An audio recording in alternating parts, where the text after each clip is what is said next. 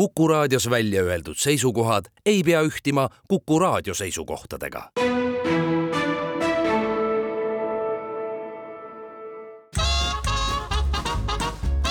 jäljed gloobusel tere päevast, kallid Kuku kuulajad, on üheteistkümnes jaanuar, mis tähendab seda, et äh, neljapäevasel päeval kell üksteist ja mõni minut peale hakkab jälle Jäljak gloobusel vaikselt juttu veeretama. Väino Laisaar ja Andres Karu tervitavad teid nagu igal neljapäeval. suur tere ka minu poolt ja nagu eelmine kord pooleli jäi, ei hakka ka nüüd väga keerutama, meil on mees ka kolmas meil siin stuudios ja Jaan Künnap on tema nimi.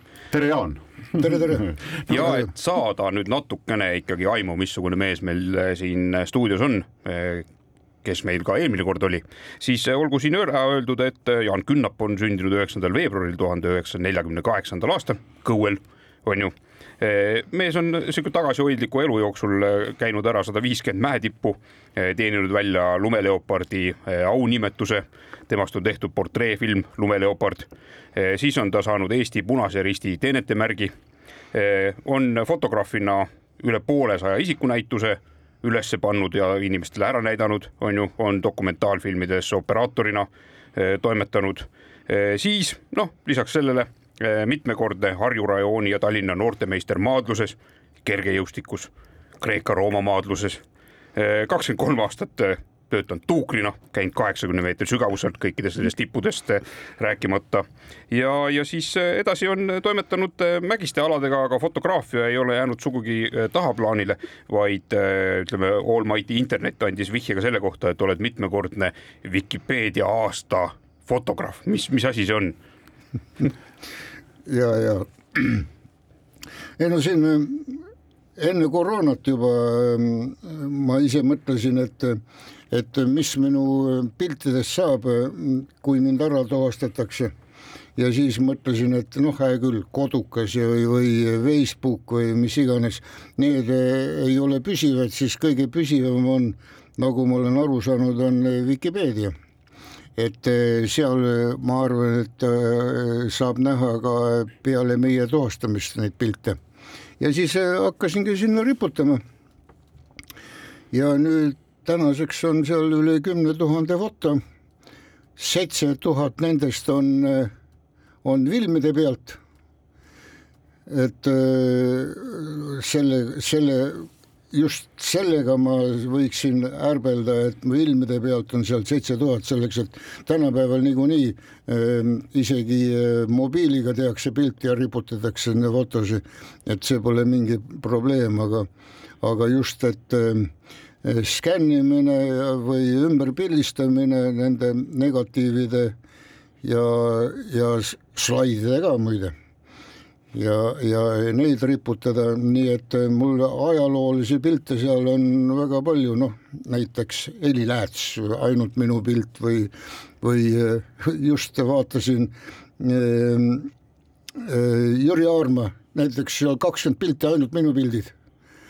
ja, ja noh, no mis iganes või, või, või ähm, Rock Hotellist on seal kolmkümmend pilti, mis on eelmisel sajandil pildistatud kusjuures Ivo Linna on seitsmekümne neljandal aastal mul juba pildistatud mm -hmm. sealsamas mm. -hmm. kuule räägi ka seda, et tänapäeval sa, sul on täna ka siin stuudios kaasas ju selline tiba tänapäevasem aparaat, et pärast saad kaardi välja võtta ja ilusasti arvutisse tõmmata. aga kunagi sa võtsid ju sinnasamasse alpilaagritesse, kus sa käisid, sa võtsid ju kaasa ikkagi päris mitu kilo ju fototehnikat. oli küll jah, kõige rohkem olen ma ekspeditsioonile kaasa võtnud mägedesse viis kaamerat. noh, kõigepealt lai, lai filmi ka ju ja siis kitsas mustvalge värviline ja siis dubleerima pidi ka veel neid kaameraid selleks, et, et külmaga läksid Vene kaamerate katikud läksid puruks ja mis iganes ja, ja külmaga läks film ka ju, läks katki. et igavene keeruline oli ja, ja algul esimesed aastad ma pidin ise, see oli mul lisaraskuseks, aga hiljem, kui me ekspeditsioonidel hakkasime käima, siis olid juba inimesed ka ise huvitatud nendest ja sponsorid isegi olid huvitatud, et ma hiljem näituse teen, siis läks minu fotoaparatuur või see läks üldisesse kaalu. aa, jagati võrdselt ära nii-öelda, jah? täpselt okay., see kaal mm. -hmm.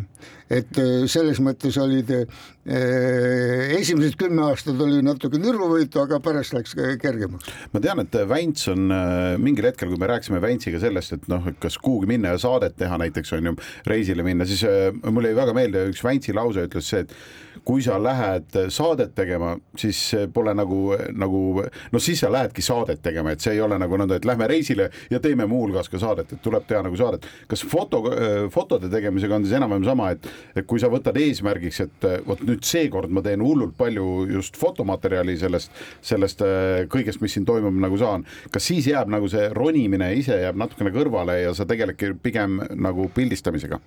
noh jääb ikka jah, ma mäletan seda, kui me Tartu Ülikooli tippu tegime, see oli ka esmavallutus. ja, ja muide, mina juhtisin seda tõusu ja siis ma olin ju fotograaf ja, ja siis ma olin veel kinokaamera ka veel mul, neid oli ka kaks tükki. Õnneks need ei olnud minu omad, need olid äh, ülikooli omad. ja, ja aga siis oli jälle üldises kaalus see, aga siis oli noh, kui ma ütlesin, et nüüd minge sinna ettepoole või jääge nüüd taha, et ma saan head kaadrit kõik olid nõus sellega, selleks -hmm. nad tahtsid ja, ja ülikool tahtis ka neid kaadreid ju mm. -hmm kas noh, olgem ausad, mehena, kui ma vaatan aeg-ajalt sa paned nagu näiteks ka Facebooki oma lehele paned pilte üles, siis ma näen, et on pilt, ma ei tea, näiteks aastast tuhat üheksasada kaheksakümmend kuus stiilis kuskilt Alpi laagrist ja on ilus aktipilt väga ilusate tippude taustal. Ja siis mul kohe tekib küsimus, et nagu oota, aga aga seal ju nagu juhuslikke inimesi Alpi laagritesse tegelikult ei sattunud, kus sa need modellid üldse said? tuli ka kaasa võtta koos kaameraga. kas tuli ja ka, kas läks grupivarustuse alla? Ei, modelle ma pole kaasa võtnud, aga, aga ikka tutvused ja kõike puha. Ja kui ma olin, kui ma olin seal rahvusvahelises Alpi laagris, seal ju me teenindasime välismaalasi. Ja siis mul oli kohe ametlikult Moskvast olid, olid ähm, kolm tõlki anti minule näiteks ja siis me, kui ma olin kuskil nõlva peal, tahtsin näiteks jaapanlastega suhelda seal telgis, siis ähm, raadioga oli minu tõlk seal all baaslaagris ja tema tõlkis mm. -hmm. nii et äh, ja siis, aga noh, need tüdrukud äh, olid kenad äh, vene tüdrukud kuskilt instituudist ja, ja, ja neid sai ka pildistatud ka jah. Noh, nii mööda minnes nagu nojah, et nii, et nendest saidki siis äh, modellid äh, mm. -hmm. oli, oli keeruline neid nõusse saada? ei olnud. Pole ju ka liiga soojad alad. ei olnud, no ma ei tea, kas ma ametlik, mitteametlikust Eesti Guinessi rekordist võiks rääkida? no räägi mitteametlikust Guinessi rekordist ei sobi vist äkki ah,. no, no olgu, las ta, las ta jääb, aga siis äh, kas äh, kas see fotograafia selline äh, noh, nii-öelda noh, ajaloo jäädvustamine, et kas, kas, kas sulle, Jaan, tundub, et see, see on asi, mis kunagi ära ei kao, et pilt kui selline, et kas nii-öelda liikuvad pildid ei võta fotograafiat mingil hetkel nagu täiesti üle? vaevalt küll. see staatiline pilt, see noh, siis peaks hakkama äh, maalikunsti ka vaatama teistmoodi, et milleks seda maalikunsti teha, kui, kui võib ju, ju värvilisi pilte, mis iganes teha. ei, ei, see äh, hää küll, jälle fotograafia, mis nüüd jah, siin kõik äh, on suured fotograafid ja fotokunstnikud teevad näitusi pulmafotost sa oled pulmas fotograaf ja teed näitust või, või näiteks tänaval lihtsalt klõpis, klõpsid mingisuguseid tänavapilte ja oledki fotokunstnik. see on natukene, mulle natuke arusaamatu. minu meelest, eh, kui ma tahan loomingulist pilti teha, siis ma ikka mõtlen selle kaadrit läbi üksjagu ja, ja noh, näiteks vanasti oli niimoodi, et sa pidid kaadri läbi mõtlema ja siis vajutada alles päästiku, sa teadsid, iga kaader maksab ju kakskümmend neli oli vist selles väiksemas rullis. ja, ja aga tänapäeval noh, kaader on, siis teen seal sada kaadrit, ükskord, ükskord mingist kurat kotkast pildistasin taeva taustal, ma tegin äh, seal minutiga sada kaadrit, et saada hea kaadri sellest kotkast. lisaks sellele sul on äh, üks põnev äh, foto, ma nüüd ei tea, kas sa oled ise välja mõelnud selle tehnoloogia, üks sinu pilt on mullegi sünnipäevaks kingitud ja mul kodus olemas mingi selline äh, mustal taustal laseriga justkui kujundid välja joonistatud. no vot, see ongi see, see loominguline foto, et see muide arvatavasti ma olen ainukene, kes selliseid, selliseid gravüüre teinud olen. valgusega gravüüre, muide see, see valgusega gravüür, gravüür me kõike teame, mis see on, ma ükskord Laapinile seletasin, et kas ma võin siis eesti keeles uut väljendit välja mõelda gravüürid valgusega. kui ta ütles, et kui sul on näitus ja seda oled näidanud inimestele, siis võibki olla eesti keeles uus väljend gravüürid valgusega. gravüüri me teame, et noh, seal küll metalli peale, puudu peale, mis iganes, aga nüüd valgusega. ja, ja mul on jah, see näitus ja muidu üks fotonäitus on siiamaani äh, teletornis isegi. me teeme väikse pausi ja oleme Jaan Künnapiga Jäljak Gloobusel stuudios hetke pärast tagasi. jäljed gloobusel nõnna, Kuku kuulaja, paus jälle läbi, stuudios Karu Väints ja Jaan Künnap ja, ja sellel korral teeme siis selle sarja teist saadet. Ja jääme ikka sellel korral seisma ja veel sellel äh, lakkamatul fotoentusiasmil. Ja, ja kui ma siin eelmises plokis uurisin äh, seda, et mis see Vikipeedia aasta fotograafi tiitel võib endaga kaasa tuua, siis sa ühe korra siin äh, eetriväliselt rääkisid ka sellest, et, et sa oled mingisuguse seitsme tuhande äh, elusa fotograafi seas või, või mingi selline tore, tore, tore selline edetabel on olemas. jah, vikipeedlased seal, noored öö, sebivad kogu aeg seal. noh, see adminid, need saavad ju korralikult ligi, siis ükskord teatati, et, et öö, filmide pealt pildid, mis on, olen ma riputanud Vikipeediasse, neid on umbes seitse tuhat, sellega ma olen maailmas kuuendal kohal no vot, näed, peangi par-, siis Elusate foto- elusate fotogrammide ja hulgas. kuna eh, neid, kes elus ei ole, neid arhiive, neid on palju, neid on palju rohkem seal. kas see, kas see kuidagi, palju see sinu päevast üldse ära võtab, et eh, nii-öelda Vikipeediale nagu mõnusalt sisu luua? noh, noh, praegu ma tegelen öö, kõigepealt see filmide ümberpildistamine ja siis töötlemine, see, see võtab kõige suurema aja ja siis, siis öö, riputan, muide mägedest nii palju, et et kui nüüd vaadata seal kategooriat Nõukogude Liidu mäed, seal on tuhandeid pilte. Ja kust kogu Venemaa vaatab neid? Ja seal on noh, vene keeles panin need kõik selle kategooriad, neid on tuhandeid pilte, need on kõikidest alpilaagritest, kus kohal ma olen olnud, need pildid seal, isegi Elbruse ekspeditsioon ja isegi Tallinna äh, ekspeditsioon, Tallinna tippu me tegime ja, ja Tartu Ülikooli tipu need kategooriad on ka seal olemas. nii et Venemaa alpinistid kogu aeg laigivad ja, ja, ja kiidavad mind seal. ahah, no lisaks sellele, et sul on olnud üle poolesaja isikunäituse, on sinu pildid ju sealt Vikipeedia kaudu jõudnud ka näiteks Jaapanisse näitusele. jah, kuna Jaapani kõige kuulsam alpinist, no nüüd ta on surnud, kes oli seitsmekümne neljandal aastal esimene naine Everestil. Temaga ma, ma olin giidiks tal, kui ta käis kommunismi otsas. ja siis äh, mul on temast seal, ma ei tea, kakskümmend või kolmkümmend fotot ja, ja teatati mulle just seal, et äh, nad tegid isegi nendest piltidest äh, kuskil Jaapanis nende naisteklubi seal on naist, naisalpinistide klubi, mida see Junko Tabei või Junko Tabei ise lõi, tegid näituse isegi eelmise aasta naistepäevaks mm.. kuule, korra käis läbi ka, me, me siin noh, Elbruse nimi, Elbrus, mis on hästi paljudele eestlastele tuntud just selle poolest, et kui, kui tahad nagu esimest korda minna noh, tiba kõrgemale juba, ta on viie tuhande kuuesaja neljakümne kahe meetri kõrgune, kõrgem tipp siis lääne, lääne tipp. aga me rääkisime kaadriväliselt ka, et hästi paljudel on vale arusaam geograafiast natukene, eks ole? nojah, on küll jah, et minu grupis on olnud geograafe ja ma olen spetsiaalselt noh, sel sajandil ma pole pärinud, aga eelmisel sajandil väga täpsustasin, et kuskohalt see Kaukaa või kuskohal Kaukaasias see Euroopa, Euroopa. ja Aasia piir läheb, see lähebki mööda Kaukaasia ahelikku, aga ahelikust Euroopa poole on kuskil kaksteist kilomeetrit asub ka Elbrus.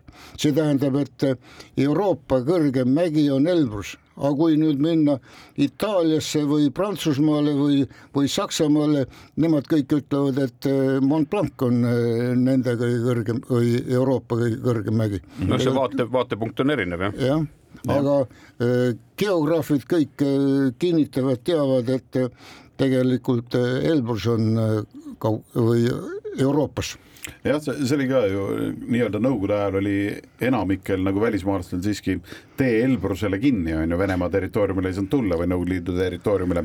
et sellel ajal oli siis äh, kõige kõrgem punkt, kus oli võimalik käia, oli Mont Blanc, aga ja. tegelikult niisugune kaheksasada meetrit madalam jah. sellega tuleb meelde, et Texases on üks kivi, enhanced, enhanced rock, äh, mida teksaslased ise ütlevad, et see on äh, maailma kõige suurem kivi tegelikult pole see ka Texase kõige suurem kivi, aga noh, sealtpoolt vaadates äh, on nad sellisel arvamusel ja, ja hoiavad sellest äh, kõvasti kinni. muide, ma olen Elbrusel vahetevahel ütlen kakskümmend korda käinud ja vahetevahel ütlen kolmkümmend korda käinud, aga seal Elbruse tipus on niisugune pisike küngas noh, viis meetrit kõrgem või, ma ei ole alati seal künka otsas käinud, see võtab kuskil paarkümmend minutit aega, ma olen seal künka all käinud vähemalt kolmkümmend korda. Mm. -hmm kas sa oled üldse ju paljudel, paljudel ekspeditsioonidel eh, mingist hetkest oled olnud ka nii-öelda grupijuht, kes eh, päris tippu, tipp ei ole sinu jaoks enam ambitsiooni olnudki, eh, oled, ega ma ei valeta? noh, seda küll jah, aga ei, kui on ikka korralik tipp, siis ma ikka käin ära ikka Mm -hmm. aga noh, Elbrus, kuna ma olen seal nii palju käinud, siis ja, ja, ja ma ükskord tegin inventuuri umbes tuhat äh, inimest ma olen sinna viinud, tuhat eestlast uh -huh. Elbrusele ütle mulle ka, äh, Jaan, sa iga-aastaselt Jaan Künnapi alpinismiklubi annab ju ka nii-öelda aasta alpinisti rändauhinda välja. kas seda valikut aasta-aastalt teha on kuidagi kas lihtsam või keerulisem? noh ma arvan, et läheb kogu aeg keerulisemaks selleks, et ma juba võtsin juba otsuse vastu, et mingisuguseid lumenõlvadel käimisi ma ei maksa hinnata ja, ja paljud alpinistid ka naeravad selle üle, et mis, mis lumenõlvadel mingisugune Everest hapnikuga ja lumenõlvad ja mis seal alpinismiga tegemist on, pigem need on turistid, et võib-olla võib-olla tuleb hakata ümber, aga takka mul... võtad nagu Alar Sikult võtad ära või ei, seda muidugi mitte seda muidugi mitte, aga, aga eks neid tuleb äh, ümber hakata hindama jah, selleks, et noh, olgem ausad, tehnika ja kõik ähm, ja, ja kategooriad kõik muutuvad ju ajas ja. no kus kohas see sinu jaoks piir jookseb üldse, kes on alpinist? Kes on mägimatkaja ja kes on siis, ma ei tea, mis seal vahele jääb? noh, eks alpinist on ikka see, kes eesmärgiks on mingid tipud ikka. aga turistid, noh, nojah, turist on no aga võib öelda see mägimatka ja olla ka El Everestil käia nüüd selleks, et seal ei pea isegi köit kasutama hea küll, seal võib-olla Aaratsiga pead köie, köie peale panema, köiest kinni hoidma, aga, aga palju seal alpinismiga tegemist on. no eks see, see tuleb arutada sinna, aga mul on sõbrad, kellega me arutame seda, ega ma üksinda seda otsust vastu ei võta see on, see on jah tore, et äh, ma olen märganud ka nagu äh, nii-öelda vastakuti on see, et vaata, kui vahel äh, vahel näiteks, et kui sinu klubi auhinna saab nii-öelda näiteks mingil aastal lumenõlval kõndimise eest, siis alpinistid on nagu no, no mis nüüd toimub ja teistpidi vaata, kui tehakse näiteks matkajate kokkutulekut, kus valitakse aastamatk ja kui aastamatkajaks saab näiteks, ma ei tea, Joosu juhitud alpinistlik on ju tõus näiteks Pobedale on ju, et siis, siis jälle Joosu teistpidi laiutab käsi, et no kuule, see ei olnud ju matk, et see oli väga kõva alpinistlik ekspeditsioon on ju, et eks ta on ju mõlemal pool nõnda, et see piir on niisugune hägune, eks ole. Nojah, see piir muide vanasti oli veel rangem see, võib-olla te olete kuulnud, et konfliktid matkajate, alpinistide vahel. ma mäletan Rannamäes olid üksed Eesti meistrivõistlused matkamises, mägimatkamises. ja siis mina läksin oma algajatega, algajatega, alpinistidega, kellele ma olin juba õpetanud kolm sõlme selgeks ja, ja, ja noored kutid ja hästi kiirelt tegid ja, ja, ja me võitsime selle ära aga meile isegi ei antud diplomit, kuna väljaspool konkurssi me võitsime selle võistluse ära mm. -hmm. ja, ja noh, jah, me ei olnud matkajad, selleks ma ei hakka ütlema, kes see peakohtunik oli, aga uh -huh. need olid kõik tuntud äh, nimed. Hästi, aga siis, siis järelikult on nagu see, et selleks, et, et asjad õigesti läheks, siis peaks ise nagu olema žüriis kogu aeg, jah? noh, ma võin ju ähm, hääleõiguseta žürii liige ka olla absoluutselt, aga ei, mina nagu olen selle alati olnud selline niisuguse sõbraliku liini nagu esindaja, et ma nendest vana aja nii-öelda omavahelistest rivaalitsemistest väga ei ole aru saanud, aga küll ma saan sellest aru, et jah, et et kuhugi tuleb tõmmata see joon ka tihti noh, just nimelt, et et teha mägedes käimist turvalisemaks ja et inimesed, kes sinna lähevad, et ei oleks päris nagu, nagu nii-öelda ei, ei tõuseks kontorilaua tagant püsti ja ei läheks elus esimest korda noh, isegi noh, ronima näiteks Alpides mõnele vähe tehnilisemale tipule, et see, seda ma pooldan küll kahe käega, et see nii ei tohiks olla, et mingi koolitus peaks enne käima, aga sellest juba räägime väikse pausi järel edasi. jäljed gloobusel oleme tagasi, kolm meest on stuudios, Väino Laisaar, Andres Karu ja Jaan Künnap äh, külalisena. Äh, Jaan, just äh, rääkisime sellest, et noh, et mingi koolitus võiks enne esimest korda mägedesse minemist olla, sul, sa oled vist näinud igasuguseid mägedesse minejaid? no olen ikka ja noh, kohe ma hirmutaks kohe ära näiteks plangi peale minejaid. et iga aasta saab seal kümme inimest surma ja ma arvan, et ähm, enamus on ikka sellised, kes pole mingit koolitust saanud mm. -hmm. no isegi, isegi kui see kassidega seal nõlva peal, seal on ka nõlva peal kassid, sa võid, kui sa pole ennem kassi jalga pannud, sa lihtsalt võid kassidega komistada ja oledki kukarpallitad ja lähedki mm. -hmm. väga lihtsalt äh, see asi käib ju nii ta on, nii ta on, täiesti nõus jah, et kui seda klassikalist marsruuti pidi minna Prantsusmaa poolt üles, siis seal selliseid kohti, kust nagu veerema saada, on, on üksjagu jah mm, -hmm. täiesti, täiesti nõus.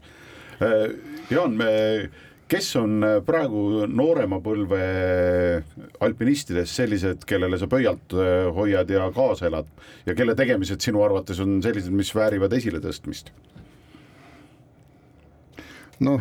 naeratus tuli näole vähemalt. No aga ma pean siis kellelegi külma tegema ju. No, no vaatame, aga see, see ei ole ju sind seganud tavaliselt. Ei, ma ikka noh, oma õpilastele reeglina eh, hoian ikka pöialt siin, Katrin, kes tunnistab, et mina tema õpetaja või olen ja, ja siin äh, siin need, kes ka kahe peal käisid, need kutid ja need äh, ikka tunnistavad, et, et minust on kasu olnud. ja, ja aga noh, aga noh, ma ei tea. mis siin ikka, ma ei tea, kas Katrin veel kuskile läheb, võib-olla, ma ei tea. aga, aga, aga see on väga hea, et elu sealt tagasi tulnud on ja kõik on tipp-topp milline, kui sa vaatad nagu noh, sa oled kindlasti vaata ühel hetkel, kui üheksakümnendate alguses piirid läksid lahti, et noh, mingis mõttes toimus ju isegi kerge niisugune võidujooks, et kes siis on nagu eestlastest esimesed, kes maailma kuulsate tippude otsa jõuavad. eks neid tippe nüüd väga palju on ära käidud, aga millised sulle nagu noh, mis tipud on need, millest sina mõtleks, et kuhu eestlased võiksid ikkagi lähiajal minna ja nii-öelda sinimustvalgega sinna üles viia noh, ma ise kunagi mõtlesin, et eh, kui ma poleks sellel ajal sündinud ja selles kohas, siis ma oleks eh, noh, isegi eh, oleks Everestil käinud ja noh, on veel ilusaid tippe, ma tean. Lõuna-Ameerikas handidel on seal Fitzroy näiteks on üks väga ilus tipp seda pilte ma siiamaani vahin ja, ja ma olen näinud ka teda, aga kuskilt eemalt ja, ja isegi pilti ei saanud, kuna tookord oli kehv film. ja noh, on ikka selliseid ilusad, ilusaid mägesid, mida võiks teha, muidugi. mis selle mäe ilusaks teeb, visuaalsus või, või pigem see, et sinna on raske minna? noh, esmalt ikka visuaalsus, kui ta on niisugune noh, Elbrus ka on lame, ta on kaks mügarikku sellist, muide seal ümber Elbruse seal orgudes on äh, erinevad hõimud, ühe hõimu keele järgi ongi ta neitsirinnad mm. -hmm. see Elbrus äh, tõlgitult. täitsa pildina sobitub ja, sellesse nimesse küll Elbrus jah. kaks lamedat ilusat tippu mm. -hmm. aga äh, jah, aga no see Fitzroy näiteks noh, seal on ma arvan, et päris mitu marsruuti ja kõike puha ja ja noh, El-kapitanid ja noh, seal on juba eestlased käinud. aga noh, need on ka jälle sellised tipud, sellised marsruudid, ma mõtlen, seal on ka püstloodis sein, aga seal on julgestused tehtud juba ju. ronid, ronid ja paned ennast julgestuse, julgestad teist inimest või enesejulgestust ja, ja seal on juba trelliga on marsruut läbi tehtud. ahah, okei okay et on nii-öelda lastud äh, metall juba nii-öelda kalju sisse ära ja just, noh, et oleks ohutum, noh mm -hmm., mis iganes. See... ja seal on neid marsruute sadu muide mm. -hmm kuidas see, seal on vist ka üsna keeruline piiri tõmmata, on ju, et, et millal selle turvalisusega üle võlli minnakse või, või sinu jaoks on noh, mina mõtleks niimoodi, et vaata, kui on väga populaarne mägi, kus hästi palju käiakse, et siis isegi kõik turvalisuse kaalutlustel tehtud otsused ja võib-olla isegi trelliga mäkke lastud metall eh, tasub ennast mingis mõttes ära, sest see säästab inimese elusid, ta küll deval-, devalveerib seda tippu. kunagi noh, nüüd on vist asi kinni kunagi Euroopast, Euroopast alpinistid käisidki Kaukaasias selleks, et seal võisid sa ise lüüa kaljunaelu, ise julgestusi teha ja kõike puha, aga Euroopas kuskil marsruudi peal sa ei tohi eh, kaljunaela kasutada, seal on juba mm, juba kas on eh, pandud statsionaarselt mingisugused või need klemme klemme ka muidugi, see klemm ei lõhu kaljut mm. -hmm. muide, Eesti pinna peal on ka üks, ma seda praegu kohta ei ütle, on ainult üks ainsam koht, kus siiamaani, tänase päevani veel võib eh, julgestust ise teha mul läks kohe, silmad läksid lahti, hakkasin nagu läbi kammima oma. ja, ja, ja muide, kus, kus, kusjuures Baltikumis ei ole üldse sellist kohtagi, kus sa võiksid ise kalju naela lüüa, et seda, keegi seda ei, ei ole, ei häiri kedagi. aga see on siis turvalisuse kaalutlustel või, või sellises looduskaitse kaalutlustel, et sa oma selle kaljupuuriga seda kaljut lõhki ei löö või? ei noh, Alpides on juba paika pandud need, need klemmid sinna seina sisse ja sa ei tohigi ise midagi lõhkuda seda, just et sa ei lõhuks seda kaljut, jah mm. -hmm. aga Venemaal võib veel, Kaukaasias võib veel igatepidi, seal, seal ei ole mitte mingisuguseid takistusi. ja selleks käisidki väga palju Euroopa alpinistid käisid Venemaa alpilaagrites just nendest marsruutidest kui sa mõtled nagu tagasi oma, oma nii-öelda ronija, ronija päevadele, et kas, kas, mis, mis sulle nagu ekspeditsioonides kõige erilisem takkajärgi nüüd tundub, et milline oli kõige erilisem ekspeditsioon sinu jaoks? noh, eks need esma, esmatipuvallutused, noh siin Tartu Ülikool ja, ja Tallinn ja no need olid niisugused suured. pane neile meetrid ka taha ja natukene täpsusta, kus kohtades nad olid kuulaja jaoks ka. Need on Pamiris kõik mm. -hmm. minu jaoks jäi segaseks juba see Tartu äh, ülikooli tipp, mis mulle tundub, et on kuskil keset Tartu linna, aga tegelikult on ju hoopis mingisugune selle nimega mägi. jah, ja muide seda tegime siis, kui see Tartu juubel oli, Tartu Ülikooli juubel, seitsekümmend või kaheksakümmend kaks. Mhm. ja kõrgus seal tookord oli eh, kuus tuhat, kuus, kuus tuhat kolmsada viiskümmend. Mhm. see oli kolmsada viiskümmend juubel. ja Tartu Ülikool maksis selle kinni.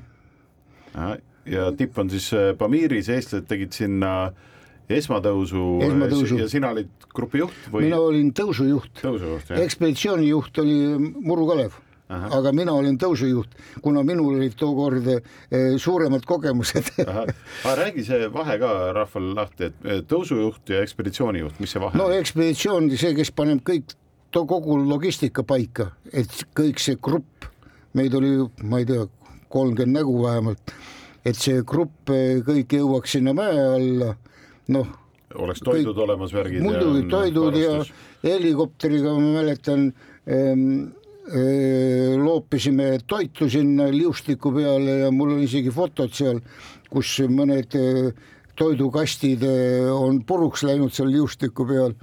aga ei, ja siis, siis, siis baaslaager ja, ja enne seda veel oli ähm, luuregrupp mm. -hmm.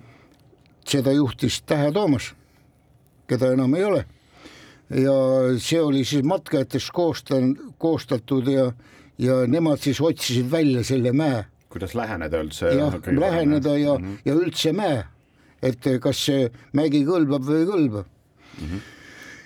ja, ja siis läksime sinna ja siis, ja siis, kui hakkas siin nüüd eh, see tõusmine, siis eh, mina pidin juhtima nagu seda tõusu juhtisin mina ja laskumist ka kas ma teen nagu liiga eh, noh, Kalevile näiteks ekspeditsioonijuhile, et kui ma ütlen, et sinu töö oli palju lõbusam kui tema töö või temal oli väga raske töö. kõik see paberimajandus. muidugi ja, ja koostada see gruppe kõike puha ja, ja tänu sellele, et me olime sõbrad ja ta teadis, et ma siin äh, lõpetasin äh, instruktorite ja päästjate kooli ja kõike puha selleks ajaks ja, ja siis äh,, siis äh, mina olin jah, siis see ja muide ma ei tea, kakskümmend aastat hiljem või, alles siin viis-kuus aastat tagasi jälle käis üks eestlaste grupp seal teist korda seal tipus ja toodi see, see meie pandud tipukiri Aa, toodi sealt alla ja see, see skänniti sisse, nii et mul on raamitult skännitud, kingiti mulle siis. nüüd pead selle tagasi viima jah, nüüd jah, pead uuesti minema. olgu, me teeme väikse pausi veel ja oleme Jaan Künnapiga hetke pärast tagasi. jäljed gloobusel tere tulemast tagasi Jäljak gloobusel, kaheksakümne esimene saade kolistab mägedes koos Jaan Künnapiga, kes meil stuudios juba teist saadet järjest on ja meil jäi pooleli sellest äh, nii-öelda esmatõusudest äh, nagu jutud, et äh, üle kuue tuhandesi esmatõuse sa oled ju teinud veel, oled ka Tallinna mäetipu esma, siin võib kasutada sõna vallutajate hulgas nii-öelda jah, esmavallutajate hulgas ju. millal see üldse toimus ja kui kõrgele ronisite siis? see oli see oli nelikümmend aastat, eh, nelikümmend aastat fašistlikust eh, okupatsioonist eh, vabastamise aastapäevale pühendatud. kaheksakümmend viis jah? kaheksakümmend neli. aga kaheksakümmend neli siis, ahah aa jah, selles mõttes, et Eesti NSV-st nii-öelda aeti välja fašistid ja selge Jah, ahah, kaheksakümne neljandal aastal ja, ja seal oli ju, ta oli selles suhtes eriline, et mindi erinevaid äh, marsruute pidi sinna tippu. See oli jah, üks mägi seal jälle ja et lihtsalt, et Pamiris jah, just, et asi oleks huvitavam, siis eh, noh, me nädal aega luurasime seda, käisime ümber mäe ja siis eh, leidsime, et eh, kolm erinevat marsruuti. Ja siis mina juhtisin siis teist marsruuti, mis oli, kuna minu grupis olid eh, kõige rohkem neid kaljuronijaid, siis tegime kõige tehnilisema marsruudi. ja, ja see oli jah, siis kõrgus oli kuus tuhat nelikümmend seitse meetrit oli kõrgus ja, ja see oli siis kaheksakümne ja, ja siis oli pärast oli, oli, oli ju eh, Raekojas vastuvõtt ja kõike puha. ja ma mäletan seda, et Raekojas kingiti meile kõikidele seoses selle fašistlikust okupatsioonist vabastamiseks mingisugune ähm, raamat, mis oli välja lastud. Ja, ja mina vist lahkusin viimasena seal Raekojast, ma ei tea, omad pooled, pooled jätsid selle raamatu sinna, pool hunnikut jäi sinna, millegipärast ei tahetud kaasa võtta. siis pärast läksime Raekojast Gnoomi restorani sööma. selline, ikka tehti välja, ma loodan, linna poolt või? muide, seal tehti välja jah, seal tehti välja ikka olgu, aga see, selliste esmatõusude, siis ma saan aru, et Tartu Ülikooli tipputõustes, see oli Tartu Ülikooli poolt kinni makstud, et siis eh, ka Tallinna linn nii-öelda siis maksis kinni Tallinna mäe tipu esmatõusu, jah? just muide kõik, ma kogu aeg ärplen, et ma olen neli korda Tartu Ülikoolis käinud. Kõik need neli korda, neli korda ma olen rektori juures veini joomas käinud siis, siis võeti ka ju vastu ja saadeti ja võeti vastu ja jah. Ja üks teema, mida mina tahaks äh, rääkida, on äh, see varustuse erisus, noh, sel toona sellel hallil ajal, äh, millal sina hakkasid mäe otsas käima ja, ja võrreldes siis tänase päevaga. kui meil oli Raivo Plumer siin külas, siis tema jutust jäi mulle hästi meelde, et sõideti ekspeditsioonil ikkagi niimoodi, et viimane mees õmbles oma telki veel selles Moskva rongis Moskva kokku, rongis kokku on ju, et oleks kuskil ööbida. on sul meeles mingisuguseid põnevaid lugusid, kuidas toona varustus sai tehtud või oli sul see nii-öelda oma sellest tuukrikomplektist midagi kasulikku kaasa võtta? tuukrikomplektist muide äh, oli väga kasulik, olid äh, tuukrikomplektis olid äh, kaameli villast äh, retuusid ja kampsun. Oh, jah, see, see oli kohe spetsiaalselt, ma iga kahe aasta tagant või iga nelja aasta tagant sain selle varustuse seal laeva peal.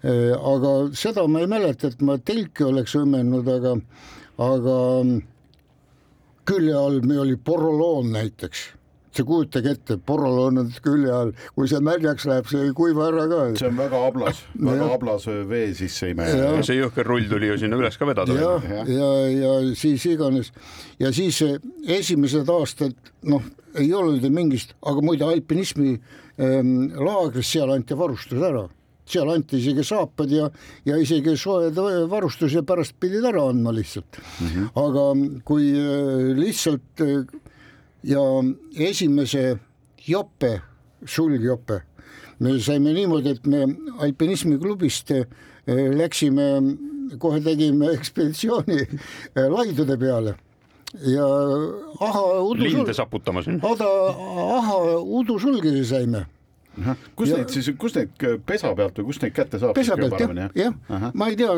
ma ei mäleta täpselt, mis aeg see oli, igatahes me ei häirinud mitte kedagi ja, ja ornitoloogid ka lõid käega sellele, et me halba ei teinud kellelegi sellega. ja siis esimene jope, tüdrukud õmblesidki minule, esimene sul-, sulgjope oli just meie endi korjatud sulest et purdast võtsite joonised ja, ja siis jah. ütlesite, et siia peab nüüd suled sisse just, saama ja just, no ma ei tea, kas see oli purda nüüd, aga see, aga- see oli muide Venemaa eh, matka käsiraamatutes olid joonised olemas. Unistuste varustuse. ja, ja aga kas see, need suled ju need kõik ei ole nagu võrdsed, et kuidas te need nagu parimad suled üldse välja oi, see oli igavene selekteerisite? opepee, see mitu päeva käidi nende sulekottidega, mul, ma olin siis laeva peal, reisilaev Tallinn, Ahah. mis sõitis kuni olümpiamängudeni Soome vahet. ja, ja siis peale seda oli see noorte meremeeste klubi, mina juhendasin seal fotoringi ja mul oli seal mitu kajutit ja siis ma tegin ühe kajuti, tegingi niimoodi, et vaheseinad tegin niisugused meetri kõrgused või poole meetri kõrgused vaheseinad ja siis eh, tolmuimejaga puhusime seda sulge, nii et sinna kõige tagumisse lahtrisse läks kõige kvaliteetsem sulg ja niimoodi puhastasime neid sulgi. lihtsalt, et kajut oli põhimõtteliselt oli nagu lendlevaid sulgi täis ja see, mis täpselt. oli õhulisem ja kergem, see läks kõige kaugemale. Täpselt. ja seal korjasite kokku. Inimene on ikka leidlik loom. jah, ja, ja niimoodi tegime mitu päeva, käisid tüdrukud eh, igasuguste sulekottidega minu juures seal külas. oota, aga räägi Jaan seda ka, et aga teine asi oli ju tehniline varustus, kõik igasugused karabiinid, ma ei tea, summaarid, laskumisvahendid, julgestusvahendid Ku,. kuidas need, kas neid toodeti või te tegite midagi ka ise? no, noh, me ise nüüd ei valanud, aga, aga neid sai eh, venelaste käest.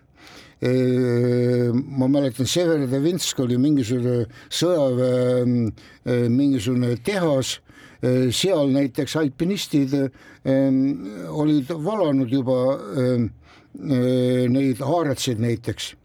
Ja ja jääpuurid näiteks ka sealt Severodvinsk omad, mul siiamaani on alles need titaanist jääpuurid näiteks. ma just mõtlesin, alumiiniumiga polnud tol ajal ju mingit pistmist, kar-, alumiiniumkarabiini näiteks kui sellist ei, ei olnud ju olemas. ei olnud, ei olnud. ehk siis kõik oli raske, see kola. Venemaal oligi terasest mm, -hmm. terasest karabiinid olid, need karabiinid olid jah, ja, ja kaljunaelu oli ka, jääpuurid olid igavesed nigelad, neid me üldse ei kasutanudki, mul, mul mõned on alles ka siiamaani. Aga mis eh, Venemaa alpinistide käest sai eh, ostetud, neid, neid ikka kasutasime. aga köied, köied, köied olid ka. Saksa turistide köites sõlmed välja ja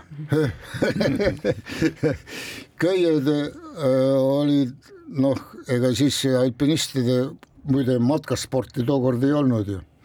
Ja, ja äh, köied olid äh, meremeeste omad äh, täiesti jäigad äh, kapron või nailon, kumb on kapron või nailon? küsimus teile, nailon pigem. kapron või nailon, kapron, kapron või nailon? no ma pakun kapron, Väins pakkis, pakkus nailon. kiud on üks ja sama Ah. Te ei ole mu- oli. Te, te ei ole mu Sõlme raamatut lugenud. Sõlme raamatus on õpik olema, õpetus olemas. kapron ja nailon üks ja sama kiud ja, ja need olid muidugi jäigad ja, ja muide eh, alpinismi la- laagris õpetatigi julgestust teistmoodi, selleks et sa ei tohtinud seda eh, köit eh, eh, jäigalt kinni hoida, sa, kui inimene kukkus seal mõned meetrid, sa pidid järgi, andma jah. -hmm. hiljem tuli Dünaamiline, dünaamilised, siis seal isegi kakskümmend kaks protsenti isegi võis, võis, siis võisid teis, julgestamistehnika oli ka teine kohe. sest ja, no nii inimestele teadmiseks, et kui sa kukud nagu juba paari meetri kõrguselt, siis puhas füüsika juba äh, mitmekordistab sinu kehakaalu tolleks hetkeks, kui köis su siis kinni haarab, et kui on jäik köis siis sa võid täitsa rahulikult äh, valesti olles oma selja näiteks ära murda. Jah, täpselt. Mhm. mm. -hmm. ja, ja, ja dünaamiline köis siis äh, annab natukene järgi ja pehmendab seda, seda kukkumist siis. aga Jaan, kui, kui mina kutsusin, ma segan vahele, kui mina kukkusin, ma kukkusin kakskümmend kaks meetrit ja, ja pidurdas, pidurdasin parasjagu niimoodi, et pea oli allaspidi, nii et see löök tuli mul õlgade peale. aga nüüd, kui ma oleks, oleks eh, horisontaalselt olnud, siis oleks selg rooga läinud krõpsti. noh, kindel, kindel see, meil on hea meel, et nii ei läinud. Jaan suur,, suur-suur aitäh sulle, et sa tulid kahte esimesse kahe tuhande kahekümne neljanda aasta saatesse külalisena. noh, me võiksime siin rahulikult rääkida kolm saadet veel ja siis, siis vaikselt hakkaks aru saama enam-vähem, et mis mees meil siin stuudios on ja kui palju ta elu jooksul korda on saatnud. igal juhul suur aitäh sulle, jõudu tegemistes ja hoia siis ikkagi kätt pulsil ja kui vaja, siis torgi meid nooremaid hea küll, teile ka edu. ja üks väike parandus ka siia lõppu, enne võib-olla paneme stopi. see suur kivi Texases oli ikkagi Enchanted Rock. noh, nüüd on see ka. ja tuli kuskilt ajusagaratest välja. ja, ja me nuiame kindlasti Jaanilt ka mõned pildid, mida panna siis ka Jäljak gloobusel Facebooki lehele ja saate sealt siis vaadata ka eelmise sajandi pilte kena, kena jällekuulmiseni. aitäh, et olite meiega ja püsige avarad. jäljed gloobusel